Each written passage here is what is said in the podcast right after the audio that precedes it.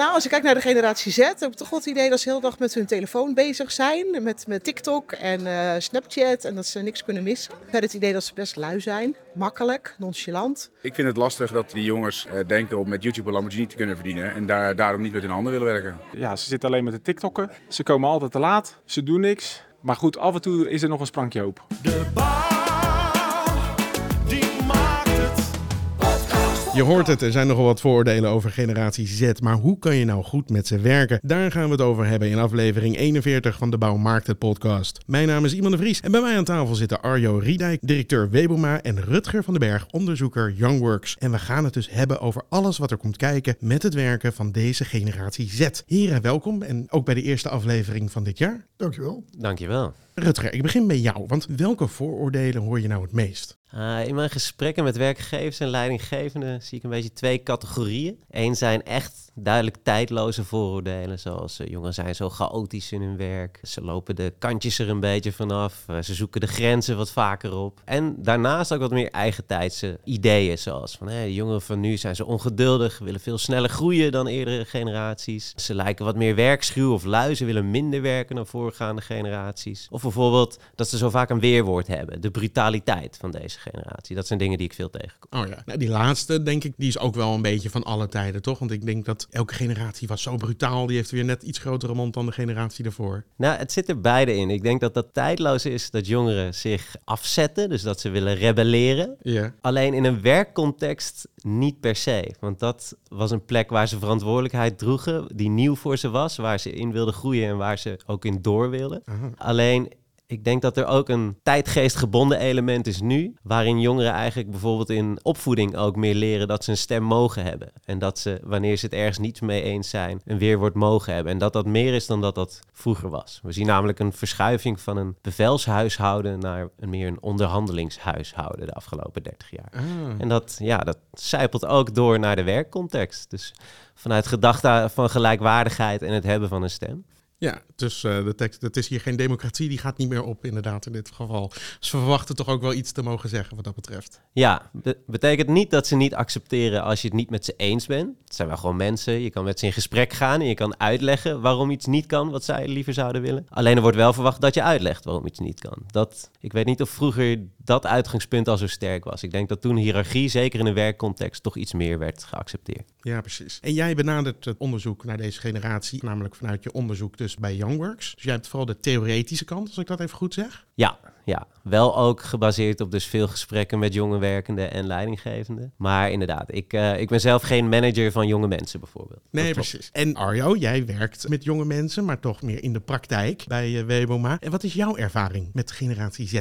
Ja, ik vind het, uh, ik zit met aandacht te luisteren naar het verhaal van Rutger. ik herken een aantal elementen. Ik zit gelijk even aan mezelf terug te denken. Ik was 20 jaar toen ik bij Weboma kwam werken. Ik word dit jaar 60, dus dat is 40 jaar geleden. Ik heb dus vanaf jongeren tot nu dat ik zelf met jongeren werk, heb ik die periode, periodes meegemaakt. Ik vind het goed uh, dat jongeren inderdaad een uh, ja, mondje roeren.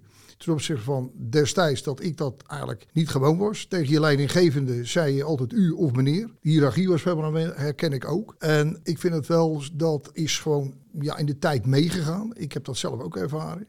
Aan de andere kant vind ik het wel goed. En jongeren zitten in een hele andere situatie dan dat ik zat. Want het is natuurlijk zo, je komt wat later van school. Je hebt tegenwoordig, ja, je bent 3, 24 jaar. Dan kom je eigenlijk in ons bedrijf. Als je een functie hebt als werkvoorbereider of uitvoerder. Ik zit in de bouwnijverheid. Ik weet ook niet of je alle branches hebt uh, bekeken, Rutger. Dat weet ik niet. Maar ik kijk even naar mijn wereld. En je komt in een situatie dat je misschien een studieschuld hebt. Uh, je moet met z'n twee werken. Wil je fatsoenlijk een huis kunnen kopen. Het is allemaal anders. Het is En ik vind dat jeugd veel meer uitdagingen kent en heeft dat dat ik had. Ik had nog een beetje uitzicht van, joh, je kan op tijd met pensioen en je kan alleen een huis kopen. Je kan op tijd aan kindjes beginnen. Tegenwoordig is dat heel anders en veel ingewikkelder en moeilijker. Dus ik begrijp dat jongeren hun mondje wel moeten roeren tegen mensen zoals mij. en uh, dat een ander eerste heb. Dat ik het leuk vind en ik accepteer, zeggen, dat is wat anders. maar aan de andere kant, ik ben ook werkgever. Ik moet goed nadenken over mijn wereld. Dat ik moet wel mijn bedrijf gaande houden. En hoe hou ik mijn bedrijf gaande in de toekomst? Met jonge mensen. Ja. Dus uh, ik zit altijd een beetje in een spagaat. Dus uh, ik ga graag de discussie aan. Maar dat ik het zomaar goed, goed accepteer van joh, we gaan het anders organiseren. Dat ik zou willen of bedacht had of heb, dat, dat vind ik wel een dingetje. En ja. dan ga ik graag mee met ze in gesprek. Of met mensen zoals Rutger. Ja, en en Rutger, we doen nog even één stapje terug, want dan gaan we even over die maar doorpraten. Wat is nou generatie Z precies? Voor iedereen die nu denkt van ja, waar, welke leeftijdscategorie hebben we het nu over? Uh, ja, wij hanteren de indeling van de socioloog Henk Becker. En die ging uit van cohorten van 15 jaar. En dat betekent dat generatie Z de generatie is geboren na 2000. Uh, dus dat zijn echt de jonge mensen die nu op dit moment instromen op de arbeidsmarkt. Ja. Uh, meestal als je kijkt, wanneer het gaat over jonge medewerkers, gaat het over een mix van generatie Z en millennials. En dat is eigenlijk helemaal oké. Want de kern van generatietheorie is dat wat je meemaakt tussen je tiende en je 25ste, je zogeheten formatieve jaren, dat dat de basis legt voor je verdere persoonsvorming. En wat je meemaakt in die periode heeft enorme invloed. Want je groeit op in interactie met de wereld om je heen. En de wereld nu die is anders dan 15 of 30 of 50 jaar geleden. En dat zorgt ervoor dat de generatie nu zich moet verhouden tot andere maatschappelijke ontwikkelingen en thema's, waardoor ze kunnen verschillen qua referentiekader van voorgaande generaties. Maar die precieze tijdscheidingspunten, die staan dus niet zo vast. Het gaat gewoon op wat was de periode waarin deze groep mensen werd gevormd, wanneer ze jong waren. Zie je ook verschillen, Rutger, uh, maar dat ik wel vragen wil stellen. Ja, uh, zie je ook verschillen, Rutger, waar mensen, uh, hoe ze een bedrijf of een organisatie instromen? Kom je uit een stedelijke omgeving? Kom je uit een omgeving dat je al een vader hebt die in dezelfde branche als jou werkt, of een moeder? Of mensen die van het platteland komen of uit het buitenland naar Nederland komen? Zie je daar verschillen in? Want ik zie die namelijk wel altijd heel sterk. Er is, een, uh, er is een super interessant onderzoek gedaan in Engeland, waarbij ze aan een enorme steekproef 419 uh, lifestyle-stellingen hebben voorgelegd. Dus gewoon ideeën over hoe de wereld in elkaar zet en in hoeverre je daarmee eens was of niet. En vervolgens hebben ze voor allerlei groepen gekeken hoe groot de groepscohesie was binnen die groep. Dus in hoeverre ze het met elkaar eens waren. En dat drukten ze uit in een cijfer tussen de 0 en 1. En daarvoor gingen ze ook kijken naar generaties. En wat je dan zag, is dat de groepscohesie bij generatie Z, huidige jongeren, extreem laag was. Die zat op 0,2. Dus dat betekent dat de diversiteit aan ideeën en opvattingen binnen die groep enorm verschillend kan zijn. Bij millennials zat hij op 2,1. Dat heeft te maken met dat die net wat verder zijn in hun ontwikkeling en zich iets meer hebben gecommitteerd aan bepaalde ideeën en overtuigingen. Terwijl generatie Z is echt nog heel experimenteel en wispelturig. Maar 2,1 is nog steeds vrij laag. Bijvoorbeeld mensen die flossen, was ook een groep waar ze naar keken. die scoorden 3,1 in groepscohesie. En de, de, groep met de grootste groepscohesie was mensen die Orangina dronken. Die zaten op 4,7 als ik het me goed herinner. Dus het laat eigenlijk een hele belangrijke les zien. En dat is dat binnen generaties de verschillen eigenlijk altijd groter zijn dan tussen generaties. Wat een generatie tot een groep maakt, is, is puur dat ze zich moeten verhouden tot dezelfde maatschappelijke omstandigheden. En dat ze in die zin eenzelfde referentiekader hebben. Hoe ze daar reageren, dat verschilt enorm. Want dat is weer veel meer afhankelijk van de context waarbinnen ze opgroeien, waar je ook naar verwijst. Hoe zijn ze opgevoed? In wat voor omgeving zijn ze opgevoed? Wat voor verhalen over werk waren dominant in hun omgeving? Hè? Wat leer je daarover? Want nog steeds worden er ook mensen opgevoed vanuit het idee, nou, naar de baas, daar luister je naar. Die mensen tref je ook nog steeds. Alleen zien we wel gemiddelde verschuivingen. Uh, en dat is eigenlijk waar je op focust bij een generatie. Maar het is absoluut een vorm van generaliseren. Zit al een beetje in de term. Wat ik uh, ook erg zie, dat uh, jongeren in deze tijd, geboren in, de, in de, de jaren die jij net noemde, vanaf 2000, die periode. Mensen zijn echt gewend aan de digitale wereld, communiceren digitaal. Toen ik ooit begon met werken, werd mij geadviseerd: joh, ga in besturen, ga in vrijwilligerswerk. Doe dat doe ik nog steeds. Ik vind onderwijs erg leuk en ik zit in, in alles en nog wat. Ik communiceer, vooral met mensen zoals ik jullie nu aan kan kijken. Ja, dat zien de mensen thuis niet, maar gewoon dat vind ik het prettigste. Ik vind dat via een beeldscherm of een computer of alleen met berichtjes vind ik wat ingewikkelder. Alleen de huidige generatie doen dat veel makkelijker, zodat ik dat kan. Dus ik zie daar ook verschillen. Mensen, ik zie ook ga gewoon als je naar een klant van mij gaat of naar een opdrachtgever of weet ik veel wat, doe dat zelf. Ben er, zeker als je in de buurt bent. En doe dat niet met een berichtje. Een berichtje is veel makkelijker. Praten tegen iemand die ik aankijkt is altijd, nou je kan een reactie verwachten met een berichtje sturen, een mailtje of een appje. Is dat niet? Heb je niet gelijk een gesprek. En dat zie ik ook wel als een, ja, een probleem, wil ik niet zeggen, maar ik vind het wel wat ingewikkelder. Dus ik adviseer ook vooral jongeren bij ons, ga vooral ergens heen en communiceer met elkaar. Daar zie ik grote verschillen bij de huidige generatie. Dus een klant van mij verdient ook gewoon rechtstreeks aandacht. En dat vind ik bij de wat oudere jongeren, vind ik dat wat makkelijker als bij de huidige generatie. Ik denk dat Men je daar communiceert heel erg digitaal. Ik denk dat jij uh, spijker op zijn kop slaat eigenlijk door te zeggen... bij de oudere jongen lijkt dat wat makkelijker te gaan. Uh, want uiteindelijk gaat dit over sociale vaardigheden. Ja, exact. Hoe uh, het, het, iemand aankijken als je met iemand ja. spreekt... Welke, op welke manier je je zinnen formuleert. En dit is iets, daarmee zijn wij niet geboren. Dat is iets wat we moeten ontwikkelen daarom, als daarom. mens. En jongeren die nu opgroeien... die groeien inderdaad op in een veel sterker gedigitaliseerde omgeving. En er is een heel interessant onderzoek dat laat zien... dat wanneer sociale interactie schuurt... dat wij als mensen, ongeacht ongeacht onze leeftijd, op zoek gaan naar uitwegen. En jongeren nu die opgroeien, een van de meest directe uitwegen die zij leren kennen en die eigenlijk misschien ook wel het allerbeste werkt, is dat je kan vluchten in je telefoon. Dus wanneer jongeren veel op hun telefoon zitten, is dat vaak ook een signaal van dat ze zich geen raad weten met het ongemak van dat schuren van die sociale interactie. Ik zie En daarin moeten ze begeleid en ondersteund en, ge- en geoefend worden. En we hopen natuurlijk als mensen bij ons binnenkomen dat ze die, dat, al- dat al een beetje hebben geleerd. Maar dat verschilt heel erg per persoon. En soms komt er iemand binnen die je daar echt nog in zou moeten begeleiden. En dat is best een Ja. lastig proces. En misschien ook niet iets waar je altijd zin Maar ook in, voor in hun, hebt. omdat ze eigenlijk Exact. niet beter weten. En je moet het ook een beetje leren, want ik, eh, wat is wel herkenbaar, want ik heb ook op producties gewerkt waar jongeren dan komen werken die een soort telefoonangst hebben. Die, die, die bellen nooit met elkaar en dan denken ze, oh, moet ik nu echt iemand bellen? En dan, Ja. oh, dat is ongemakkelijk. Maar als je dat een paar keer hebt gedaan, dan kom je er ook wel overheen, over het Maar laat staan in een gesprek. En laat staan in een gesprek. Ja, dat is wel heel leuk. Ja. ja, ja. Hey, maar nog heel even, wat is nou wel kenmerkend dan voor generatie Z? Dus ze zijn gevormd door, door een bepaalde wat er is gebeurd. En zijn er dan kenmerkende eigenschappen voor deze generatie? Absoluut. Alleen zitten die denk ik niet op het niveau waar je nu naar zoekt. ja, dat kan ook. Ja. Kijk, wat, wat generatie Z anders maakt, zijn eigenlijk twee dingen. Allereerst dat ze anders zijn dan volwassenen. Dus dat ze in een specifieke fase van een biologische en psychologische ontwikkeling zitten. Die heel veel invloed heeft op hoe ze denken en hoe ze zich gedragen, ook op het gebied van werk. En dat is tijdloos. Zo waren jongeren altijd. Dat hebben we altijd als leidinggevenden hebben daarmee moeten worstelen. En heel veel van de ideeën over jonge mensen op de werkvloer zijn daar ook, daarom ook herkenbaar. Van, hè, maar dat was vroeger ook altijd al zo. Hè? Oh, Jij benoemde net ook zo'n element. Tegelijkertijd zitten ze dus in die ontwikkeling en dat maakt ze beïnvloedbaar. Beïnvloedbaar door hun omgeving. En die omgeving is, zoals ik eerder zei, nu anders dan dat die was. En een interessant voorbeeld hiervan, wat, wat dan vormend is, denk ik ook voor deze generatie, zit bijvoorbeeld op dat idee van ongeduld. Dus dat deze groep zo snel stappen wil maken in het werk, terwijl ze daar misschien nog niet zijn. En een herkenbaar voorbeeld is van dat iemand zes maanden een functie doet, dan bijkomt en zegt, nou, hè, ik doe dit nu zes maanden, volgens mij eh, is het wel eens tijd voor de volgende stap. Terwijl je dan als leidinggevende denkt, nou, je hebt nog flink wat te leren in deze functie. Je moet ook vlieguren maken voordat je je stap kunt zetten. Ja, want een gemiddeld project bij mij duurt 14 maanden. Dus na- zes maanden onrustig. Jongens, maak nou eerst een werk af, doe er nog eens een. En dan kijk hoe je dat ontvangt en oppakt. En hoe ook je leidinggever dat ervaart.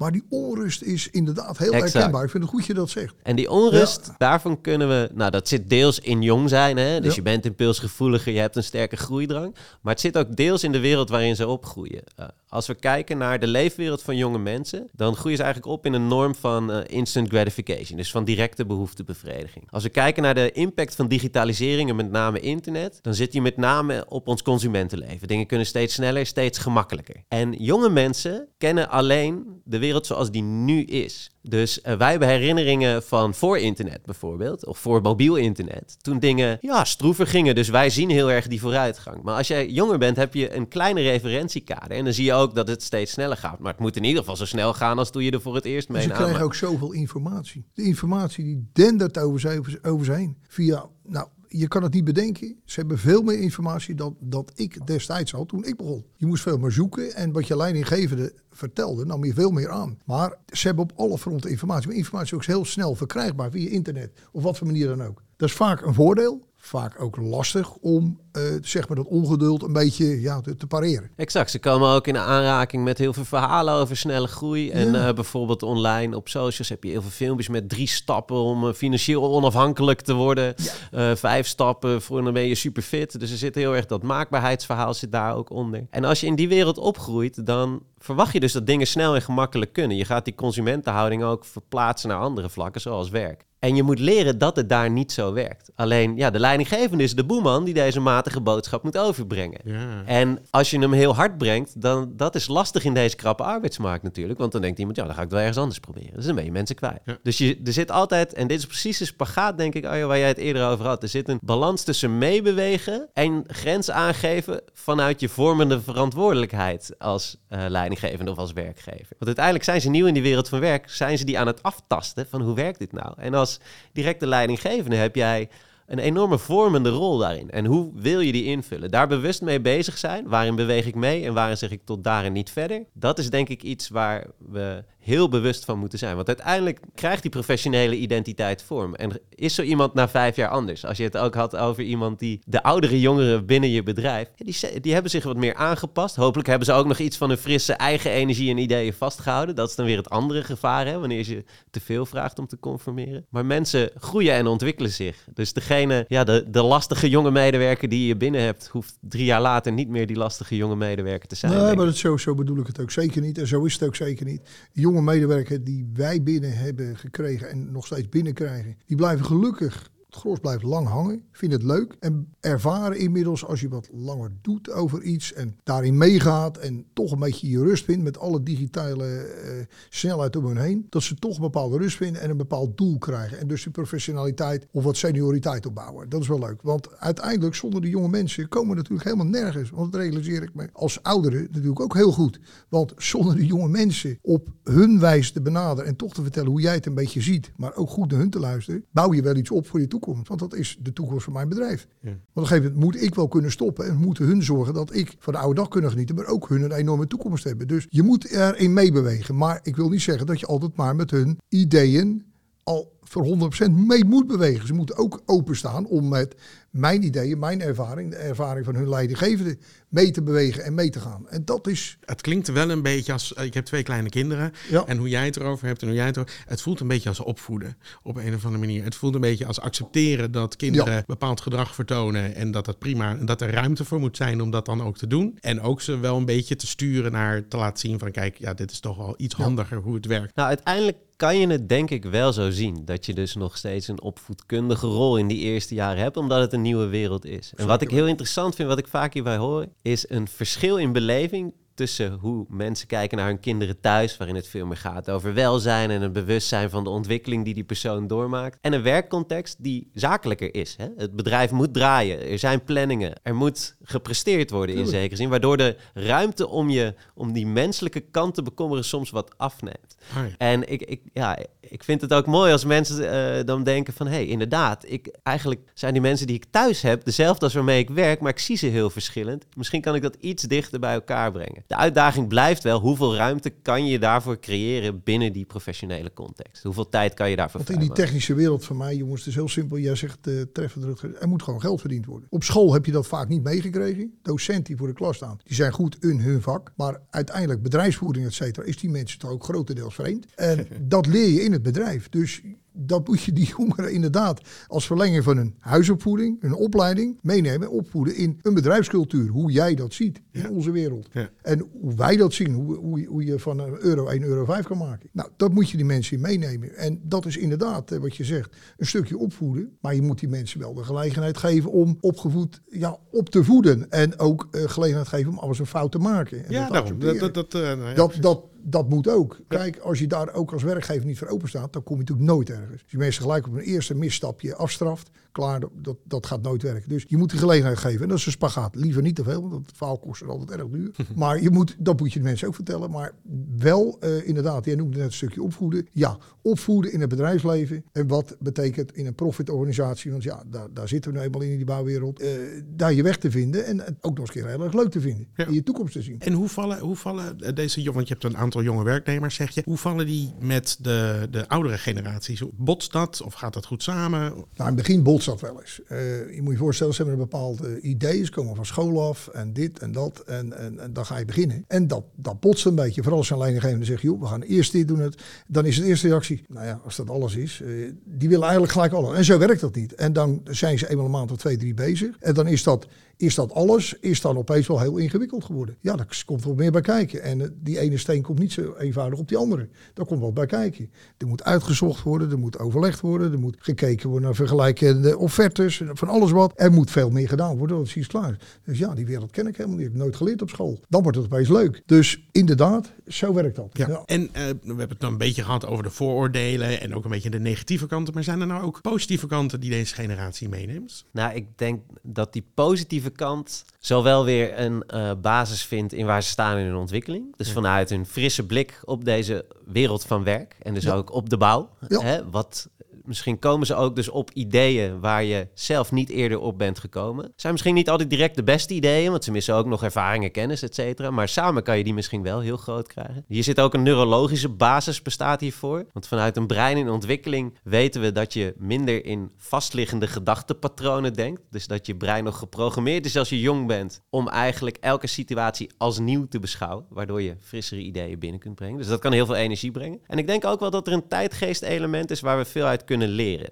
Uh, want uiteindelijk hebben jongeren een signaalfunctie. Hè? Hun idee van werk baseren ze op de verhalen die ze om zich heen horen over werk. Uh, uit de media, maar ook gewoon van mensen om hen heen. Dus ze hebben een, een signaalfunctie in de zin van dat ze ons laten zien wat er speelt op het gebied van werk in de samenleving om ons heen. Dus als we daar aansluiting bij weten te houden, dat maakt ons alleen maar een toekomstbestendigere werkgever. Als het bijvoorbeeld gaat over minder willen werken, dat is echt een struggle, ook voor bedrijfsvoering. Die komt wel voort uit de toegenomen aandacht voor mentaal welzijn en het vinden van een gezonde privébalans. Wat die gezonde privébalans is voor jonge mensen, dat moeten ze nog volledig uitzoeken. Dus daar kunnen ze ook een enorme extreme schieten. Hè? De een die zegt vanaf dag één ik uh, op alles nee om, om zichzelf maar te beschermen. De ander gaat veel te hard, valt na drie maanden uit. Die extremen bestaan, daarin zijn ze zoekende. Maar wat we wel kunnen, wat ze ook doen, is onze spiegel voorhouden en denken van, oh ja, inderdaad. Als je vanaf dag één een juiste balans daarin vindt, ben je veel duurzamer inzetbaar. En ik denk ook dat oudere generaties daarvan nu soms ook zeggen van, nou, als ik dat wat eerder door had gehad, of als dat meer een thema was geweest, was voor mijn carrière ook niet slecht geweest. Dus we kunnen ook veel leren van jongeren in de zin van dat ze een signalerende functie hebben. Ja, nou dat, dat, is, dat is zeker zo. Uh, jongeren zijn ongeremd in hun gedachten, want ze hebben vaak niet of bijna nooit de neus gestoten met een idee. Dus dat is fris. Als je wat ouder bent, ja, ik heb thuis een keer uh, een, een bokkie gehad. Ik ben even voorzichtig. Dus dat is waar, dat is belangrijk. In je bedrijf is dat belangrijk, dat ben ik onderkennen. Daarnet uh, vertelde je ook van, over dat minder uren werken, anders omgaan met je vrije tijd. Nou, dat is een dingetje en ik vind het grappig dat je het even aanstipt. Ik denk, daar komen we zelf op terecht. Ik heb dat een paar jaar geleden met een eerste jongeren bij ons meegemaakt. Van joh, ik uh, werk nu uh, 40 uur in de week bij jou. Ik wil voortaan uh, lekker vrijdagsvrij. Mijn vriendin doet dat ook. We hebben samen vier dagen inkomen. We hebben acht dagen salaris dus per week. Nou, dat vinden we voldoende. Kunnen we goed van leven. We hebben lekker drie dagen weekend. We wonen in Hartje Delft. Helemaal geweldig. Ja, ik moest er echt aan wennen. Ik denk, ik ben 27.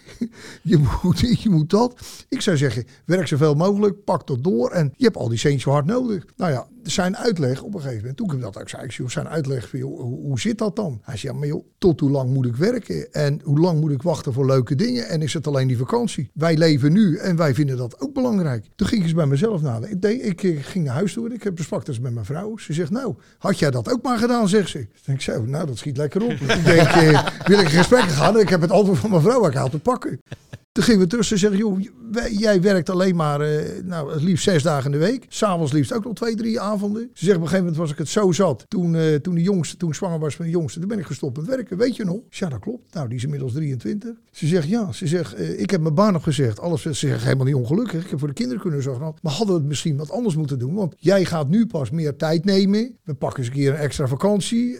het eerste kleinkind is er, dan ben je ook eens een keer ga je eens een keer om half negen naar je werk. In plaats van uh, kwart over zes. Dus ze zegt ja. Ze zegt ik begrijp dat wel dat die jongen dat wil. Ja, dat is wat je zegt een eye-opener. Ja. Dat is een eye-opener. Denk ik, nou, als die jeugd zo denkt en doet. En uh, met je 60 met pensioen kan je lang op je buik schrijven. Dat wordt misschien wel 70 voor die mensen. Ik leef nu en ik zou het anders in moeten vullen met tijd. Denk ja, dat vind ik wel kenmerkend. Nou, daar moet, moest ik heel erg aan wennen. Daar moet ik nog steeds heel erg aan wennen. Want aan de andere kant moet ik ook heel eerlijk zijn. Ik heb een bedrijf waar vijf dagen geproduceerd wordt. Soms, als het uitloopt, pakken ze ook wel eens een zaterdagochtend. Maar laten we even die vijf dagen vasthouden. We hebben op de bouwerijen heel veel ondernemers. Dat zijn bedrijven die moeten ook vijf dagen werken. Ja, wat doe ik dan met een werkvoorbereider die drie dagen werkt of vier dagen werkt? Of een uitvoerder, nog veel erger. Mhm. Een bouwerij een dag zonder een uitvoerder. Ik moet er niet aan denken. Maar dat zijn wel problemen die ik op moet lossen.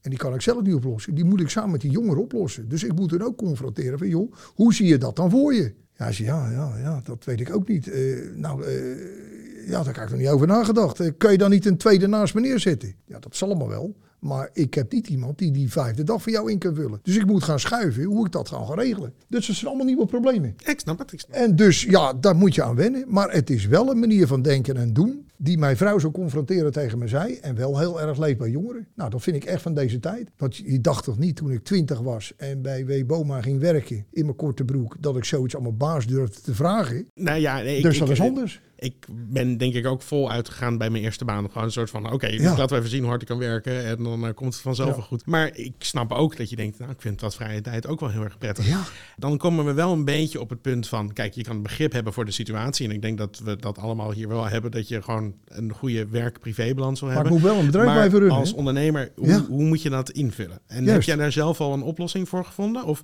heb jij parttimers werken? Of Ik heb parttimers werken. En eh, nou, ik noemde net die, ene jongen die werkte fulltime. Die werkt nu parttime. Nou, zo heb ik er nog een paar. En ik ben ook heel blij als mensen komen sol- solliciteren bij mij. Die dat zeggen, joh, we doen samen de kinderopvang. En één dagje dit, et cetera. Dus als ze het van tevoren aangeven, dan weet ik dat maar. Ja. Er zijn alleen beroepen in de bouwnijverheid waar het heel lastig is. En eh, ik had zo'n voorbeeld. eh, ik heb het ook in mijn stukje geschreven. ja, want je hebt er een column over. Ja, column, ja dan? ik, ik ben columnist voor Cobouw één keer per maand. Ja. En eh, dat jullie zetten mij wel aan het denken. Ik denk, nou, daar haak ik gelijk even op in. Bijvoorbeeld het verhaal van, joh, een- werkvoorbereider of een uitvoerder. Hoe kan ik dat oplossen? Ja, denk je, ja, het onderwijs doet het ook met twee eh juffen of meesters voor de klas. En de, dus ik zal in die richting moeten denken. Dat het eenvoudig is, nee, want ik moet waar zo iemand vinden. Wat er wel een oplossing in zou kunnen zijn. Ik heb nu wat, een aantal wat oudere eh, uitvoerders. Die zijn eind 50, begin 60. Die zeiden, joh, ik wil een dagje minder. Ik vind dat prima. Eh, laat mij die vier dagen maar werken. En er zijn er ook bij van, joh, het mag nog wat minder. Ik pak wel een project met, dat, met z'n tweeën op. Een wat groot project. Nou, ik heb hem nog niet. Maar dat soort richtingen gaan wel allemaal spelen. En dan zeg je gewoon bot tegen zo iemand van 27. Van joh, gebeurt niet. 40 dagen en geen discussie. Dan weet ik zeker dat hij bij mijn collega van harte welkom is. Ja, dat laat natuurlijk ook niet gebeuren. Ik ben niet gek. Ik heb die jongen opgeleid. Nee, precies. Dus Nee, maar het lijkt- me wel lastig. Want eh, je geeft bijvoorbeeld, ik had je column gelezen over de twee, eh, twee juffen voor de klas. Nou, mijn, mijn zoontje, een van mijn zoontjes heeft ook twee juffen voor de klas. Dat levert niet altijd de beste communicatie onderling op. Dat er gaat ik. toch wel wat verloren. Dus het is heel goed voor de personen in kwestie, want die willen dat. En die hebben dat blijkbaar ook gewoon nodig. Maar het komt het werk niet altijd ten goede. Dus dat lijkt me toch best wel een lastige Nou ja, balans om te vinden als werkgever. En ook, eh, we hebben het dan over de werknemers die eh, op die manier wat minder gaan werken. Ik heb ook een aantal dames in de bouw. Ja, ik ben een hele gelukkig man dat ik gelukkig ook eh, hoogopgeleide techneuten heb, maar dan dames. Nou ja, ik heb een medewerker die kreeg haar eerste kindje.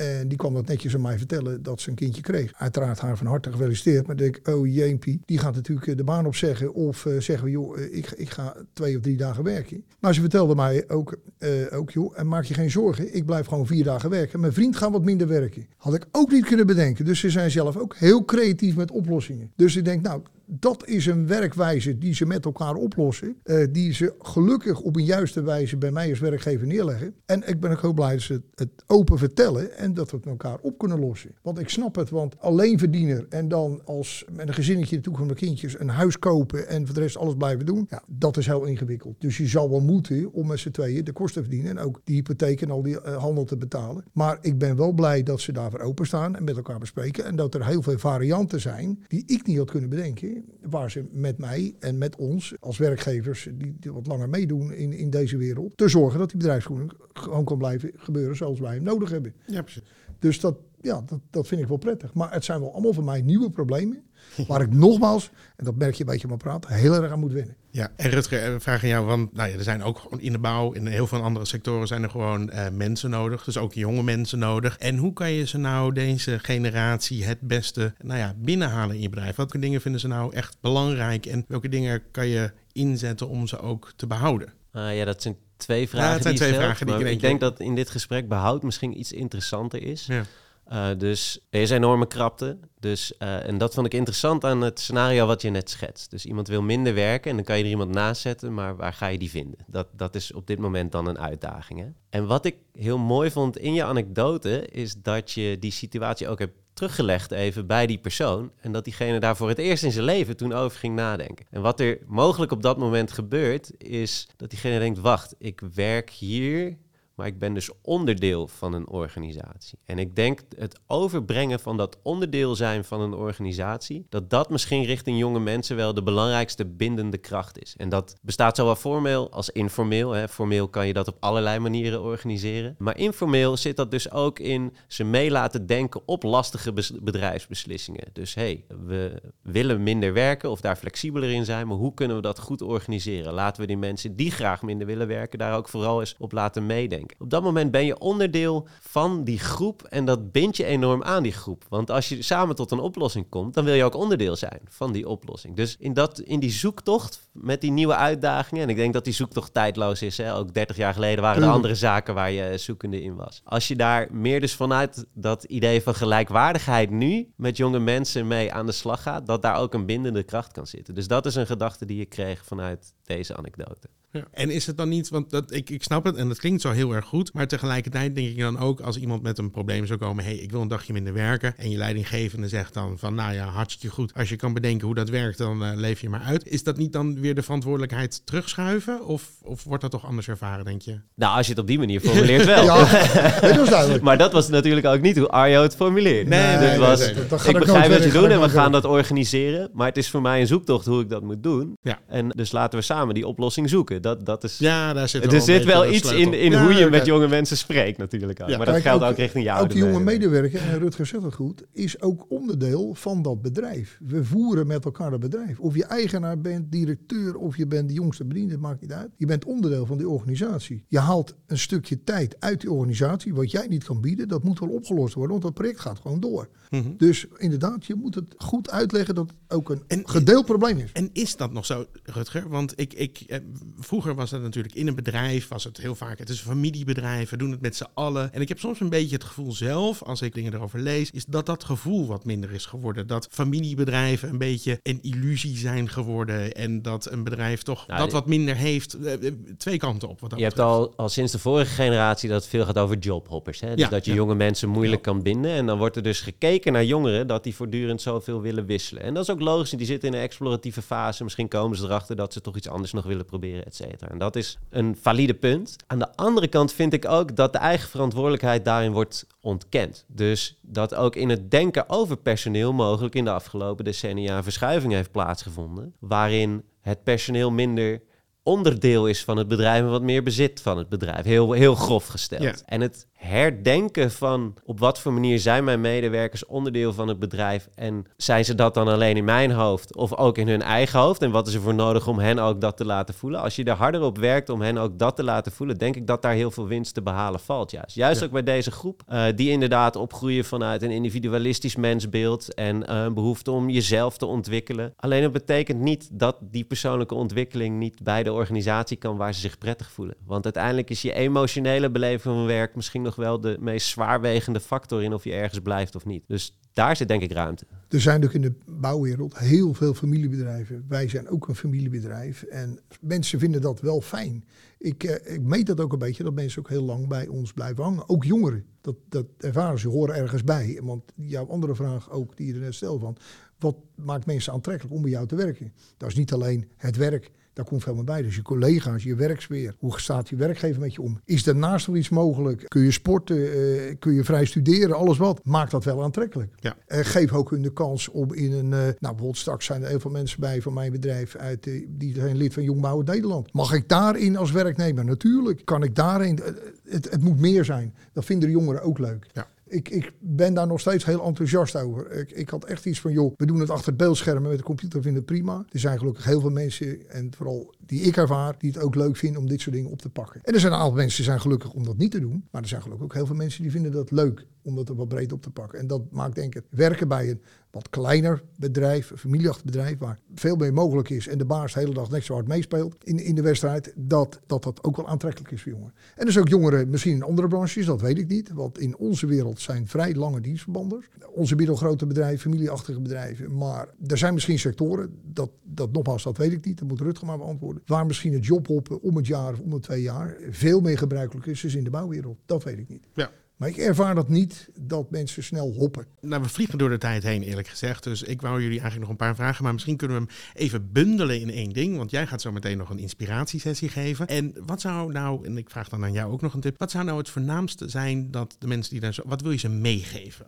Eh, Voor mij het belangrijkste punt heb ik al een beetje gemaakt, moet ik erkennen. En dat is die signaalfunctie van jonge medewerkers. Dus hoe lastig of uitdagend je hetgene wat ze vragen of verlangen ook vindt. Uiteindelijk is het een signaal van iets wat er beweegt in het denken over werk en waar je als werkgever hoe dan ook toe moet verhouden. Dus probeer te achterhalen wat er onderliggend is en bepaal vervolgens in hoeverre je kunt en wilt meebewegen en op welke manier je dat wil bijsturen vanuit die vormende rol die je als werkgever of leidinggevende hebt. Oké, dankjewel. En? Ja, ik denk, uh, ik heb tussen de regels ook een beetje met elkaar besproken. Van, wees als jongeren niet benauwd om met de mensen zoals uh, van mijn leeftijd gewoon een gesprek aan te gaan en dat op te pakken. Wees daar niet benauwd voor. Doe dat gewoon. En, uh, want nogmaals, voor ons is het ook essentieel dat we dat goed invullen met elkaar. Dus ga het gesprek aan, pak het op. Ja, kom je met een werkgever aan tafel die zeggen, joh, dat zit en er is niet over te praten. Dan denk ik dat hij heel kort geniet van zijn personeel en van zijn toekomst. Dus ik denk dat de meesten wel mee willen bewegen. Maar het is voor